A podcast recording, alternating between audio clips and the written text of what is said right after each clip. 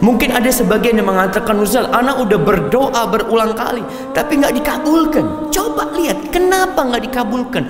Allah nggak mungkin ingkar janji, nggak mungkin.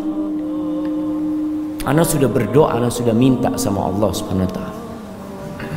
Bahkan anak cari waktu-waktu mustajab antara azan dan qomat sepertiga malam akhir. Ya Allah kemudian nih sore hari hari Jumat. Sebelum matahari terbenam nih jemaah habis asar itu kata Nabi SAW inna fi yaumil jum'ati la ada waktu di hari Jumat tidaklah seorang hamba memohon kepada Allah Azza wa Jalla melainkan Allah kabulkan doa. Tapi banyak di antara kita mungkin yang merasa anak sudah berdoa Ustaz, tapi kok kayaknya belum dikabulkan. Masalahnya di mana? Masalahnya di kita. Yang pertama, أعوذ بالله من الشيطان الرجيم بسم الله الرحمن الرحيم Tidak ada yang mudah dalam kehidupan ini kecuali yang Allah menjadikannya mudah. Dan sesuatu yang sulit kalau Allah berkehendak bisa jadi mudah. Dan Allah menyuruh kita berdoa. Pertanyaannya, Masya Allah. Suara apa itu jamaah? Taib yang yang jadi pertanyaan kita ini berdoa enggak? Dalam sehari semalam berapa lama kita memohon kepada Allah Azza wa Jalla? Banyak orang-orang yang berusaha, bekerja, berupaya tapi doanya dikit. Karena dalam benak dia dia berpikir ya usaha harus lebih keras daripada doa. Padahal enggak. Kita disuruh berusaha tapi kita disuruh berdoa. Sama, sama.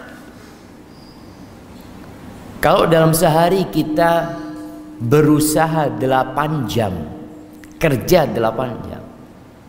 Maka seharusnya 8 jam itu pula kita berdoa antum bisa melihat ada orang-orang yang kerjanya puluhan tahun hidupnya nggak berubah.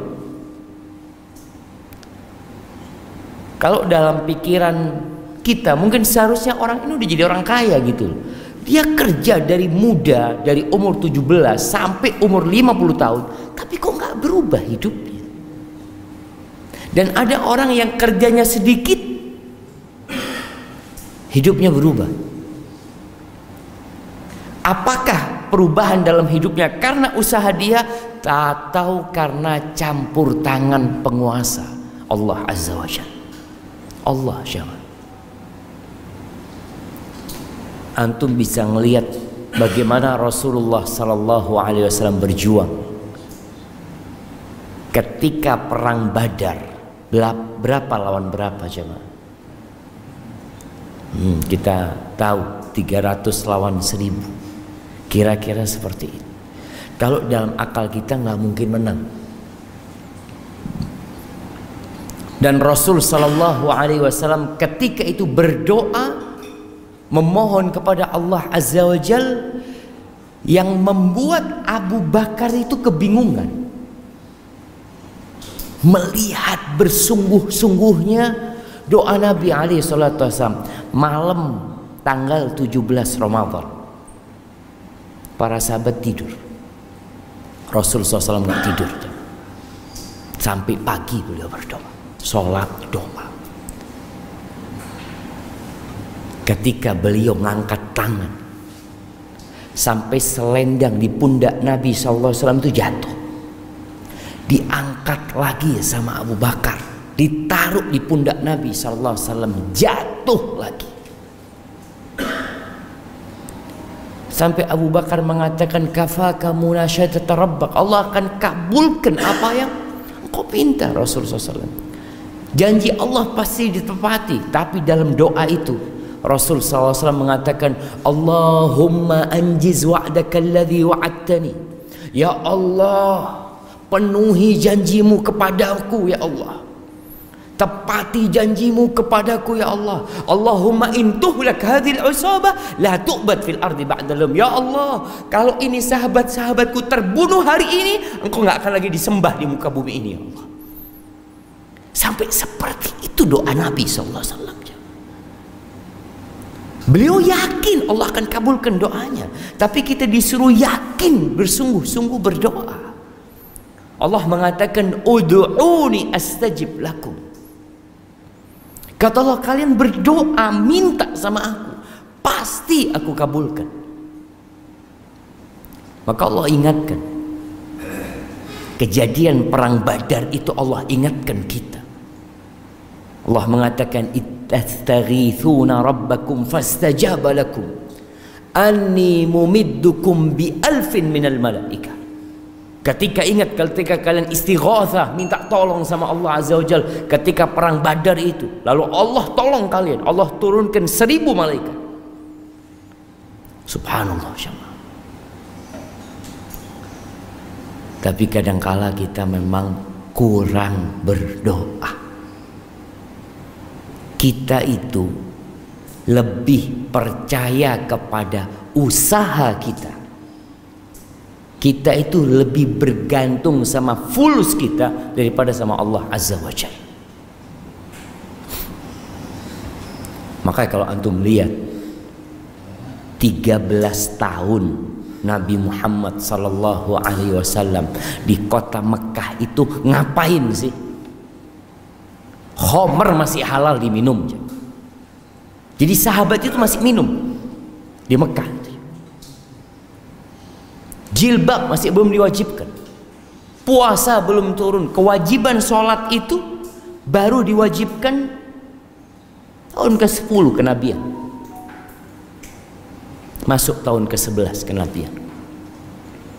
Yang digarap itu akidah yang benar kepada Allah Azza wa.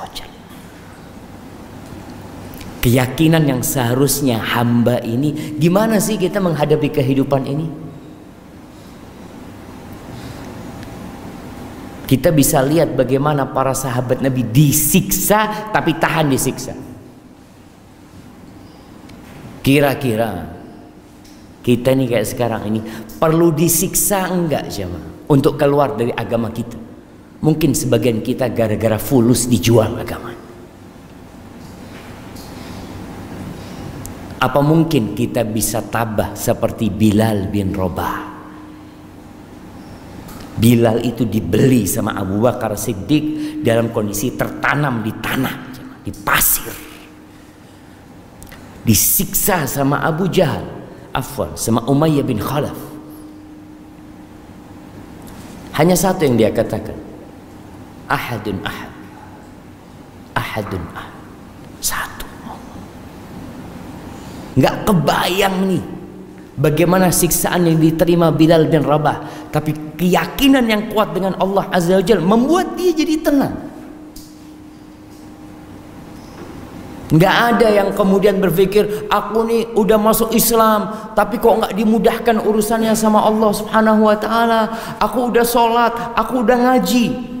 Nggak ada di diri mereka itu semua Bagaimana Nabi mendidik mereka. Memang pernah terjadi sekali para sahabat itu merasa sampai kapan seperti ini. Khabbab bin Arad. Khabbab bin Arad itu pernah dibakar. Agar dia keluar dari Islam ini dibakar. Allahu Akbar. Suatu hari Umar Khattab radhiyallahu anhu mengatakan, "Ya Khabbab, Khabbab, engkau mau nggak kisahkan kepada kita gimana siksaan yang engkau terima dulu?" Umar bin Khattab sudah tahu. Tapi dia ingin menceritakan bagaimana perjuangan para sahabat mempertahankan agama kepada orang-orang yang baru masuk Islam. Yang mereka dapat enaknya Islam tapi tidak merasakan perjuangan menegakkan agama Allah. Itu Khabbab nggak cerita dia. Dia langsung buka bajunya. Dia tunjukkan punggung Umar Khattab mengatakan aku nggak pernah melihat punggung seperti ini. Khobab itu dibakar aja. Antum nggak lihat ada orang disiksa dengan dibakar, dibakar di bara api sampai akhirnya bara api itu mati gara-gara air yang keluar dari dagingnya Khobab bin Ar. Kenapa mereka digitukan? Mereka hanya mengatakan la ilaha illallah. Mereka nggak mencuri. Mereka mempertahankan la ilaha illallah. Inilah keyakinan yang kadang kala kita ini yang Islam dari lahir nggak punya kayak gitu jamaah. Makanya kalau bicara doa, subhanallah, itu para sahabat yang disiksa-siksa Khabbab bin Arad, Ammar bin Yasir sempat datang kepada Nabi Shallallahu Alaihi Wasallam. Dia datang jumpai Nabi Alaihi Wasallam karena tahu tidak ada jalan kecuali memohon pertolongan Allah Azza wa Jal. Mereka datang mengatakan, Ya Rasulullah, ala tad'ullah lana. Ala tastansir lana. Wahai Rasulullah, apa engkau tidak berdoa memohon kepada Allah buat kami? Apakah engkau tidak meminta pertolongan kepada Allah buat kita ya Rasulullah? Mereka sudah merasa nggak kuat jamaah. Apa kata Nabi SAW? Itu di bawah naungan Ka'bah Nabi cerita. Ala laqad kana fi man kana qablakum. Kalian tahu orang-orang sebelum kalian. Yunsharu bimin syarin min hadid. Mereka itu ditanam di tanah, kemudian ditaruh gergaji di kepalanya. Digergaji itu jamaah. Rambutnya terputus, masuk ke tulang kulitnya, ke ke kulitnya, terus ke tulangnya sampai terbelah jadi dua. Wa ma yaruddu dzalika an dini dan itu tidak membuat dia berpaling dari agamanya. Wa yumshatu bi amshatin bin hadid, ada yang disisir dengan sisir dari besi sehingga daging itu berpisah dari tulangnya. Wa ma yaruddu dzalika an dini. Kata Nabi SAW dan itu tidak membuat dia berpaling dari agamanya. Allah akan menyempurnakan agama ini hatta yasira rakib min son'a ila hadramut sampai nanti ada seorang yang berjalan dari son'a ke hadramut melakukan perjalanan la yakhafu illallah wa dhi'ba ala ghanami mereka tidak takut kecuali kepada Allah dan mungkin kepada serigala yang akan menyerang kambing-kambing dia. Walakinnakum qaumun tasta'jilun. Tapi kalian adalah kaum yang tergesa-gesa. Subhanallah jemaah. Ini nih akidah yang kuat yang ditanamkan di hati para sahabat yang membuat para sahabat tatkala mereka harus hijrah meninggalkan Mekah ditinggal Mekah tanah kelahiran mereka jemaah bayangkan Abdurrahman bin Auf orang yang sukses kaya raya dia harus meninggalkan mereka, meninggalkan tanah yang dia beli, meninggalkan rumah yang dia miliki, keluarga yang dia cintai, ditinggal semuanya. Demi apa? La ilaha illallah. Sampai ke kota Madinah. Punya apa Abdurrahman bin Auf? Punya apa? Dia punya Allah Azza wa Itu yang penting buat dia. Aku berpisah dengan semuanya, yang penting Allah bersama. Subhanallah. Sampai Medina kerja Abdurrahman bin Auf. Syuhul dia. Dia itu mau dikasih fulus. Ya. Ini jiwa seorang muslim. Dia itu dijadikan saudara sama Sa'ad bin Rabi' Jadi Rasul SAW sahabat-sahabat yang hijrah itu yang mereka nggak punya apa-apa akhirnya dibagi Engkau fulan berangkat sama fulan. Fulan bawa ke rumahmu fulan. Ini bawa ke rumahmu, bawa ke rumahmu. Karena mau gimana? Mereka nggak punya tempat tinggal, mereka nggak punya pekerjaan, mereka tidak kenal siapa-siapa di kota Madinah. Dibawa tuh ke rumahnya. Apa kata Sa'ad bin Rabi? Ya Abdurrahman, kau saudaraku sekarang. Syekh Abdurrahman, Ana termasuk orang yang paling kaya di kota Madinah. Maka separuh hartaku buat engkau. Kita kalau ditawarin kayak gitu mikir gitu jemaah. Ya Allah, zakallah khair. Ya Allah, ente khair. Ente Masya Allah. Ana punya dua istri. Kata Sa'ad bin Rabi. Ente lihat mana yang lebih ente sukai. Ana akan ceraikan, ente tunggu masa idahnya, ente nikahi dia. Ada perasaan kayak gitu sekarang jemaah. Itu Abdurrahman bin Auf mendengarkan Sa'ad bin Rabi mengatakan itu barakallahu laka fi malika wa ahlik Semoga Allah memberkatimu di hartamu dan keluargamu. Dulu ni ala suq. Tunjukkan di mana ada pasar. Ana mau syughul. Ana. ana mau kerja. Subhanallah. Dan kerja para sahabat. Umar bin Khattab. Jagoan di kota Mekah. Ke Medina jadi pengembala kambing. Ya. Kerja dia semuanya. Karena dia punya keimanan yang kokoh. Kita nih, anak mau bertanya lagi, berapa kali kita berdoa memohon kepada Allah Azza wa Jalla agar Allah memperbaiki kehidupan kita. Mungkin ada sebagian yang mengatakan Ustaz, anak udah berdoa berulang kali tapi nggak dikabulkan. Coba lihat kenapa nggak dikabulkan? Allah nggak mungkin ingkar janji, nggak mungkin. Jadi kalau ada yang merasa anak ini Ustaz bertahun-tahun hidup kok nggak ada perubahan di diri anda. Anda sudah berdoa, Anda sudah minta sama Allah Subhanahu wa taala. Bahkan Anda cari waktu-waktu mustajab. Kapan waktu mustajab jemaah? Antara azan dan qomat. Sepertiga malam akhir. Ya Allah. Kemudian nih sore hari hari Jumat. Sebelum matahari terbenam nih jemaah habis asar. Itu kata Nabi SAW Inna fi yaumil jum'ati la ada waktu di hari Jumat tidaklah seorang hamba memohon kepada Allah Azza wa Jal. Melainkan Allah kabulkan doa. Tapi banyak di antara kita mungkin yang merasa ana sudah berdoa Ustaz. Tapi kok kayaknya belum dikabulkan. Masalahnya di mana? Masalahnya di kita. Yang pertama kadangkala kita masih makan haram sayati ala nasi zamanun. Akan datang satu masa kepada manusia kata Nabi SAW la yubalil mar'u.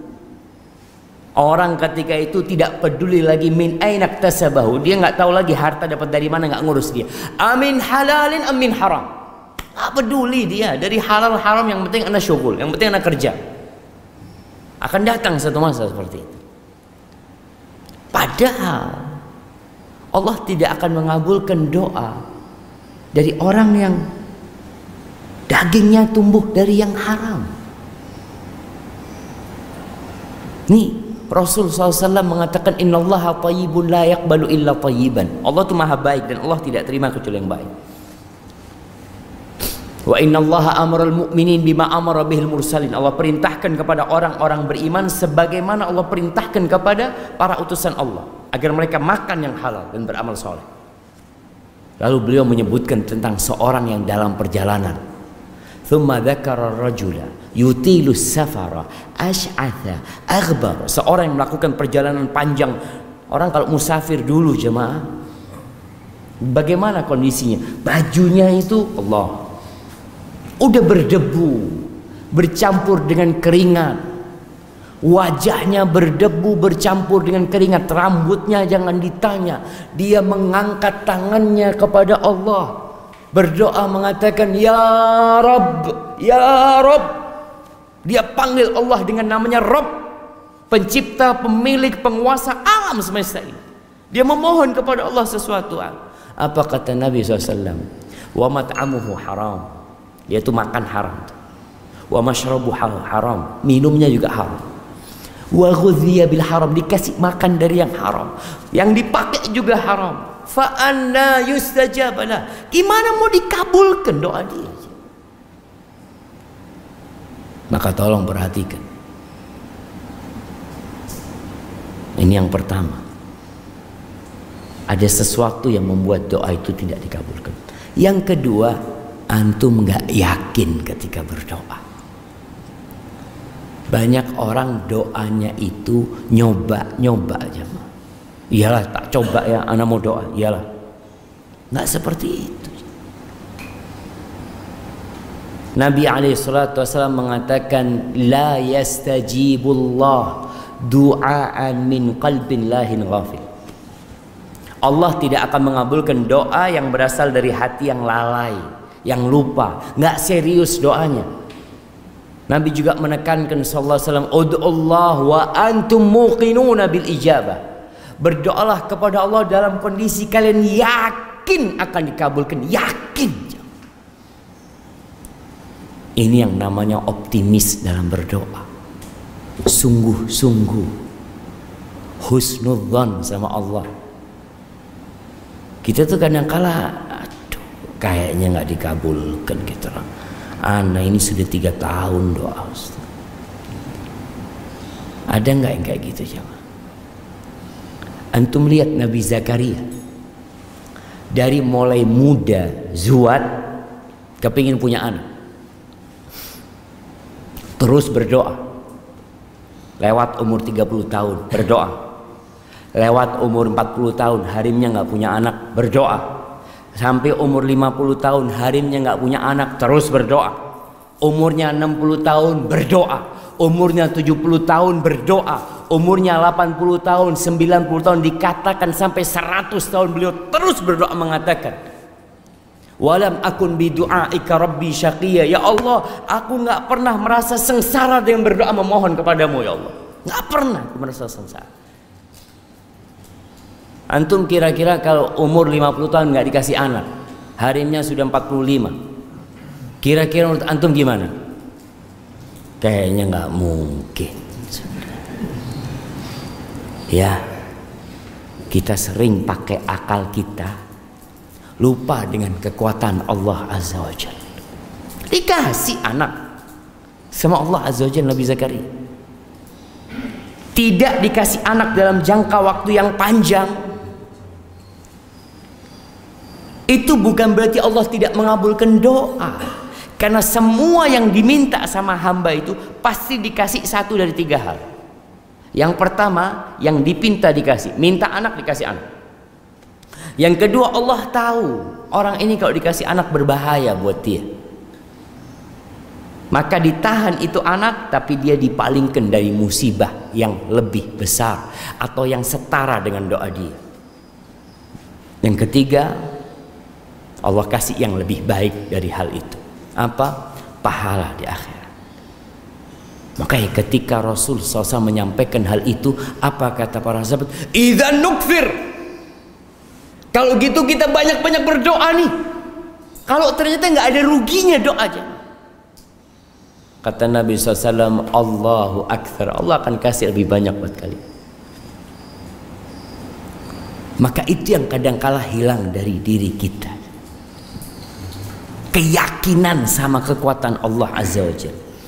Ini ada cerita seorang syekh di Saudi. Ada seorang yang di PHK dari tempat kerjanya. Akhirnya dia ngelamar pekerjaan. Ngelamar pekerjaan, dia cari tempat-tempat yang punya kenalan. Dia minta tolong fulan, fulan, ana mau cari syugulan, itu kan punya kenalan di tempat ini, bisa bantu kita. Ya insya Allah ngomong sama fulan sampai 3-4 bulan. Suatu hari ketemu sama seorang syekh. Dilihat wajahnya cemberut ya. Antum melihat orang kalau punya utang itu wajahnya kelihatan cuma aduh fulan ada. Di sini kira-kira yang punya utang yang mana coba? Antum kelihatan wajah-wajah yang susah gitu. Pura-pura ketawa tapi terpaksa dia. Nah, kelihatan orang itu susah. Lalu dia cerita, Syekh, Ana ini lagi, Ana sudah menghubungi Fulan, dia punya lobby, tapi Ana tunggu sampai saat ini belum ada jawaban. Dia ngelobi seseorang, tapi belum ada jawaban sampai sekarang.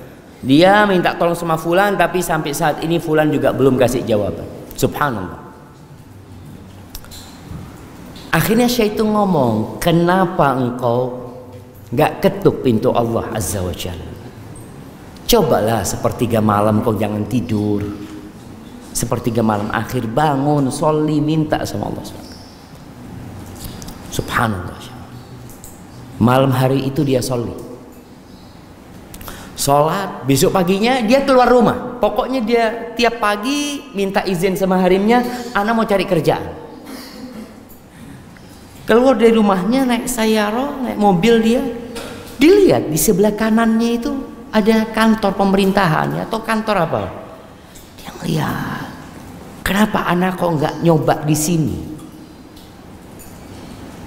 dia nyoba di tempat yang jauh karena dia punya kenalan dia pikir punya kenalan aja belum tentu bisa apalagi anak nggak punya kenalan siapa-siapa di tempat ini tapi hati kecil dia ketika itu nyuruh dia berhenti di tempat ini cobalah Masya Allah dia turun dari seronya, tanya ke resepsionis, ada lowongan kerja nggak? Oh kata dia, ada kata dia. Supaya ini nggak kenal jamaah, nggak kenal sama sekali sama dia. Coba ente naik ke atas kata dia. Dia naik ke atas, assalamualaikum, ngobrol sama uh, bosnya di sana. Nggak lama dia ngobrol langsung ditawari, oh kita ada dua kerjaan kata dia. Itu tinggal pilih ini sama itu dia sampai bingung begitu mudahnya buat dia bulanan dia nunggu dari fulan dia minta tolong fulan tapi hari itu dia nggak punya kenalan siapa-siapa Masya Allah dikasih kerjaan disuruh milih deket sama bednya deket sama rumahnya jam tiga hari kemudian dia ketemu sama syekh itu kata syekh lihat oh ente wajahnya kok lain sekarang ini ada apa ini? Cerita dia jawab. Ini loh kekuatan doa jawab. Yang kadang kala kita kurang di sana. Coba lihat para nabi nggak berhenti berdoa. Nabi Ibrahim alaihissalam sama juga. Nggak dikasih anak. Apakah berhenti berdoa? Terus berdoa. Sampai akhirnya punya anak Ismail. Itu harimnya Nabi Ibrahim kesian ngelihat Nabi Ibrahim. Sudah tua dan terus berdoa minta anak dan si istri tahu anak sudah mandul. Akhirnya dia punya budak Hajar itu diberikan kepada Nabi Ibrahim dizuat sama Nabi Ibrahim alaihissalam. Puluhan tahun nunggu anak dikasih anak ya apa yang terjadi? Nggak boleh ngelihat anaknya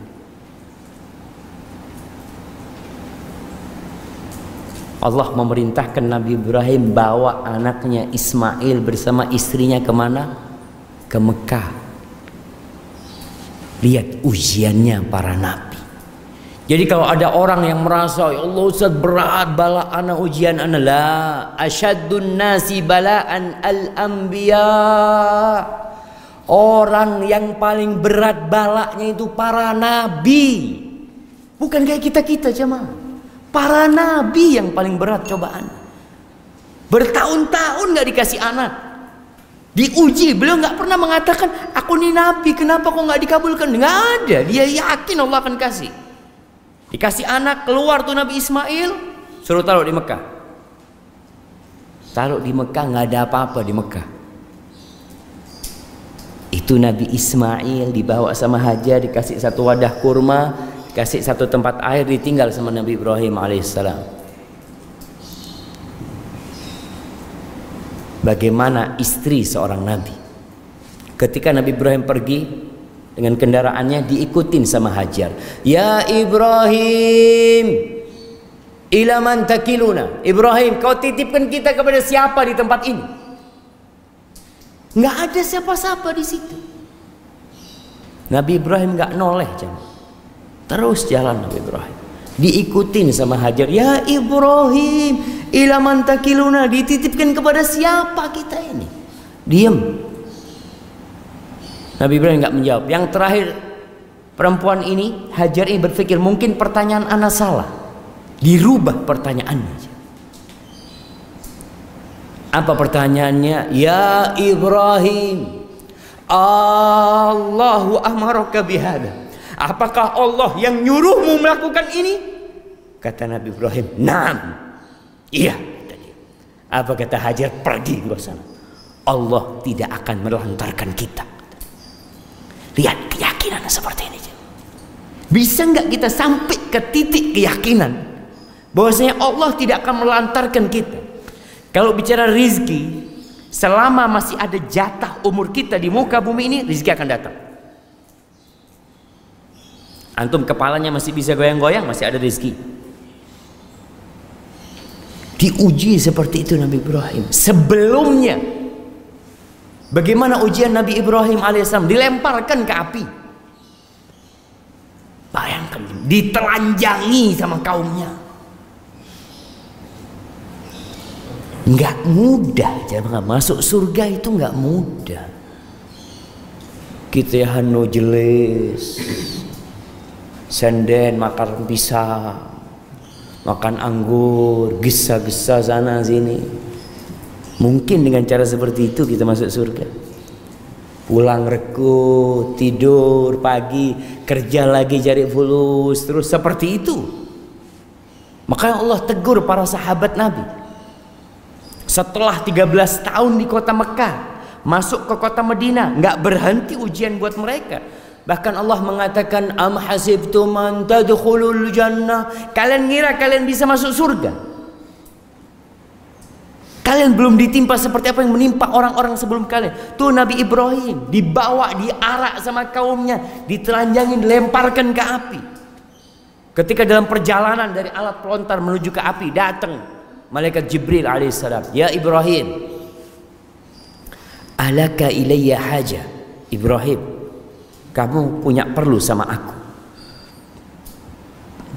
Kata Nabi Ibrahim amma ilaika fala. Kalau sama kamu aku nggak ada perlu. Amma ilallahi fada'at tapi kalau sama Allah sekarang aku perlu sama Allah. Nabi Ibrahim membaca hasbunallah wa ni'mal wakil. Cukup Allah cukup Allah Makanya ketika ada seorang yang berdoa mengatakan, nih, bagaimana munajat seorang hamba ya. Ketika dia berkata, "Laitaka tahlu wal hayatu mariratun walaitaka tarda wal anamu ghidabu." Ya Allah, andai kata engkau itu manis dan kehidupan ini pahit ya Allah, aku nggak peduli ya Allah. Andai kata engkau riba dan semua manusia yang ada di muka bumi ini benci sama aku ya Allah, aku nggak peduli sama mereka. Laita baini wa bainaka amiru wa baini wa bainal alamin kharabu. Ya Allah, andai kata hubunganku dengan engkau itu baik, makmur, terjaga dan hubunganku dengan manusia rusak. Aku nggak peduli ya Allah.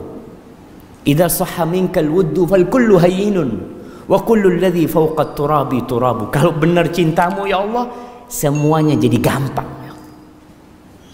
Semua yang ada di muka bumi ini tanah dan akan kembali menjadi tanah. Apa sekarang yang antum lihat? siapa yang antum lihat di muka bumi ini bakal jadi tanah kembali. Tuh Nabi Ibrahim dilemparkan ke sana mengatakan hasbunallah wa ni'mal wakil. Apa yang terjadi dengan api itu? Mungkin dalam bayangan manusia kalau antum berpikir sebuah musibah, oh Allah kirimkan hujan sehingga api itu jadi mati. Atau Allah turunkan salju sehingga api itu jadi mati. Atau Allah kirimkan angin yang membuat api itu jadi padam. Subhanallah. Semua itu tidak terjadi. Allah tu Rabbul Alamin, Tuhannya api. Allah mengatakan, "Wa qulna ya nar." Allah mengatakan, "Wahai api, kuni bardan wa salaman ala Ibrahim." Jadilah engkau dingin dan keselamatan buat Ibrahim. Siapa yang bisa melakukan itu? Rabbul Alamin. Maka jangan ngeremehkan doa sesuai dengan kadar keilmuan kita tentang Allah Azza wa Jal seperti itu pula kualitas doa kita. Ada yang doa cuma cari fulus ekonomi supaya diperbaiki. Bas doanya hanya untuk dia keluarganya rumahnya. Tetangganya nggak pernah didoakan. Pernah antum doakan tetangga supaya dapat hidayah jemaah? Yang tinggal di sini siapa? Masya Allah. Pernah doakan tonggo-tonggonya mudah-mudahan dikasih hidayah ya Allah. Kira-kira pernah enggak? Wallahu a'lam kayaknya. Sama aja. Kita kadang-kadang punya sohib nggak benar. Pernah nggak engkau sebutkan nama dia dalam doa?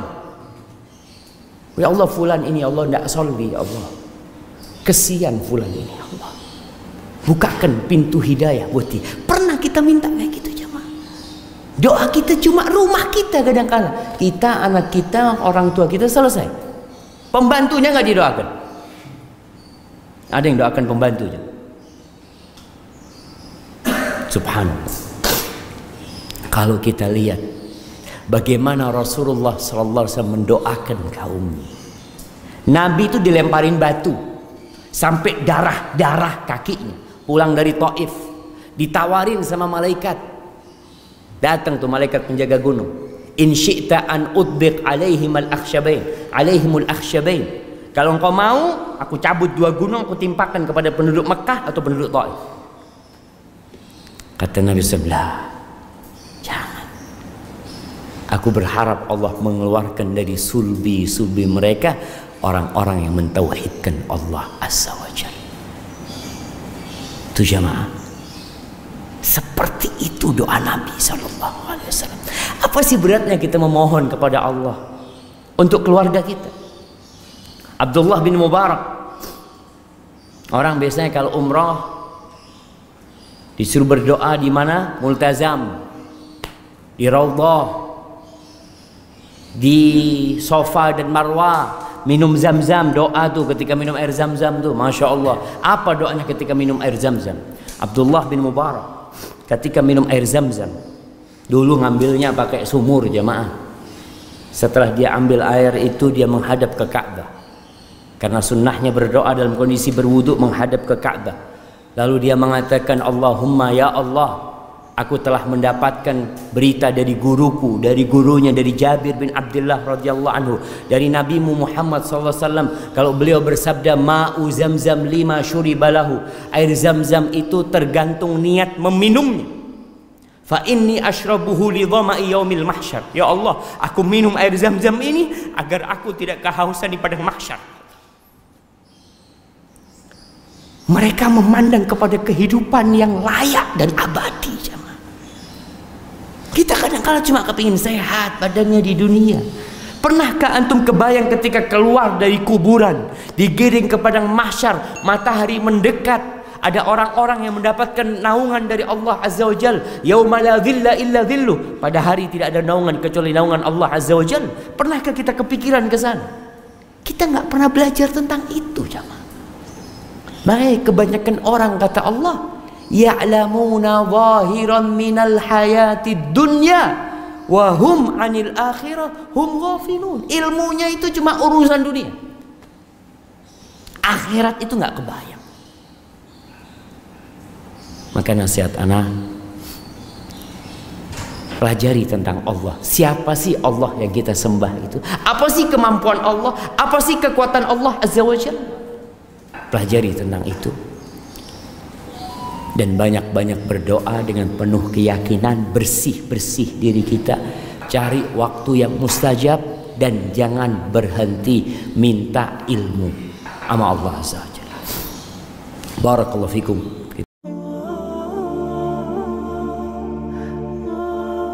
Lalu Ibnu Jauzi berdoa, Allahumma in adzabtani ghadar.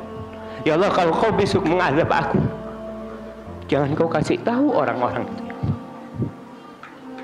Lialla yuqal. Agar supaya tidak tersebar pembicaraan. Azab man da'a ilaih. Azab man dalla ilaih. Supaya orang-orang enggak